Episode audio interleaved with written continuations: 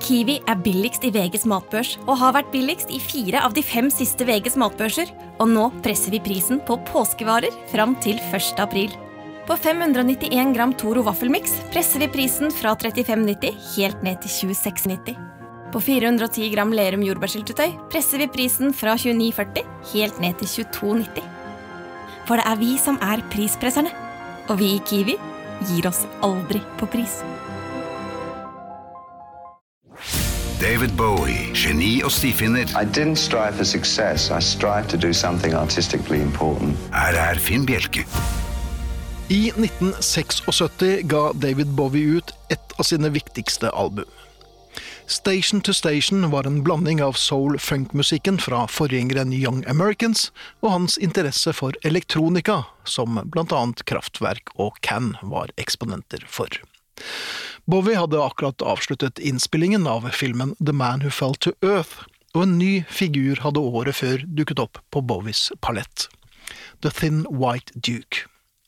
Figuren virket tilsynelatende ganske streit med sitt tilbakestrøkne hår, hvit skjorte og svart vest, men som vanlig når det gjaldt eh, David Bowie, var det en dyster understrøm.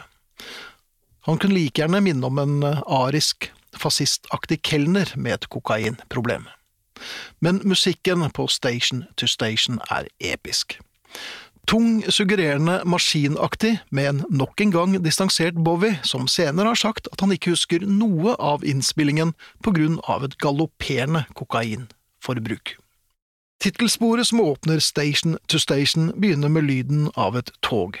Bowie led lenge av flyskrekk, Toget er kanskje på vei ut fra stasjonen før gitarist Earl Slick og pianist Roy Bitten, på utlån fra E Street Band, innleder et tungt riff som baner veien for en iskald Bowie, som starter platen med linjen The Return of the Thin White Duke.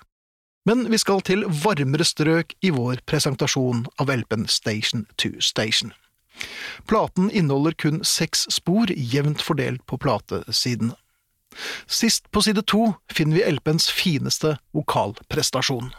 Og Bowie hadde alltid en egen evne til å gjøre coverversjoner til sine egne, og valget av Dmitri Tjomkin og Ned Washingtons ballade Wild Is The Wind fungerer uanstendig godt.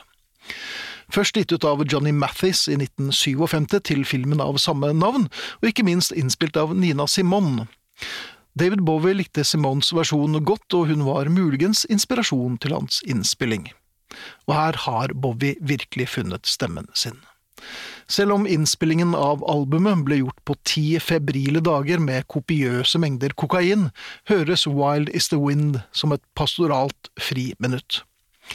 Den tidvis tynne stemmen hans viker plass for en varm crooner-røst, og det sparsomme og smakfulle akkompagnementet til Earl Slick, George Murray og Dennis Davis løfter denne balladen på forbilledlig vis.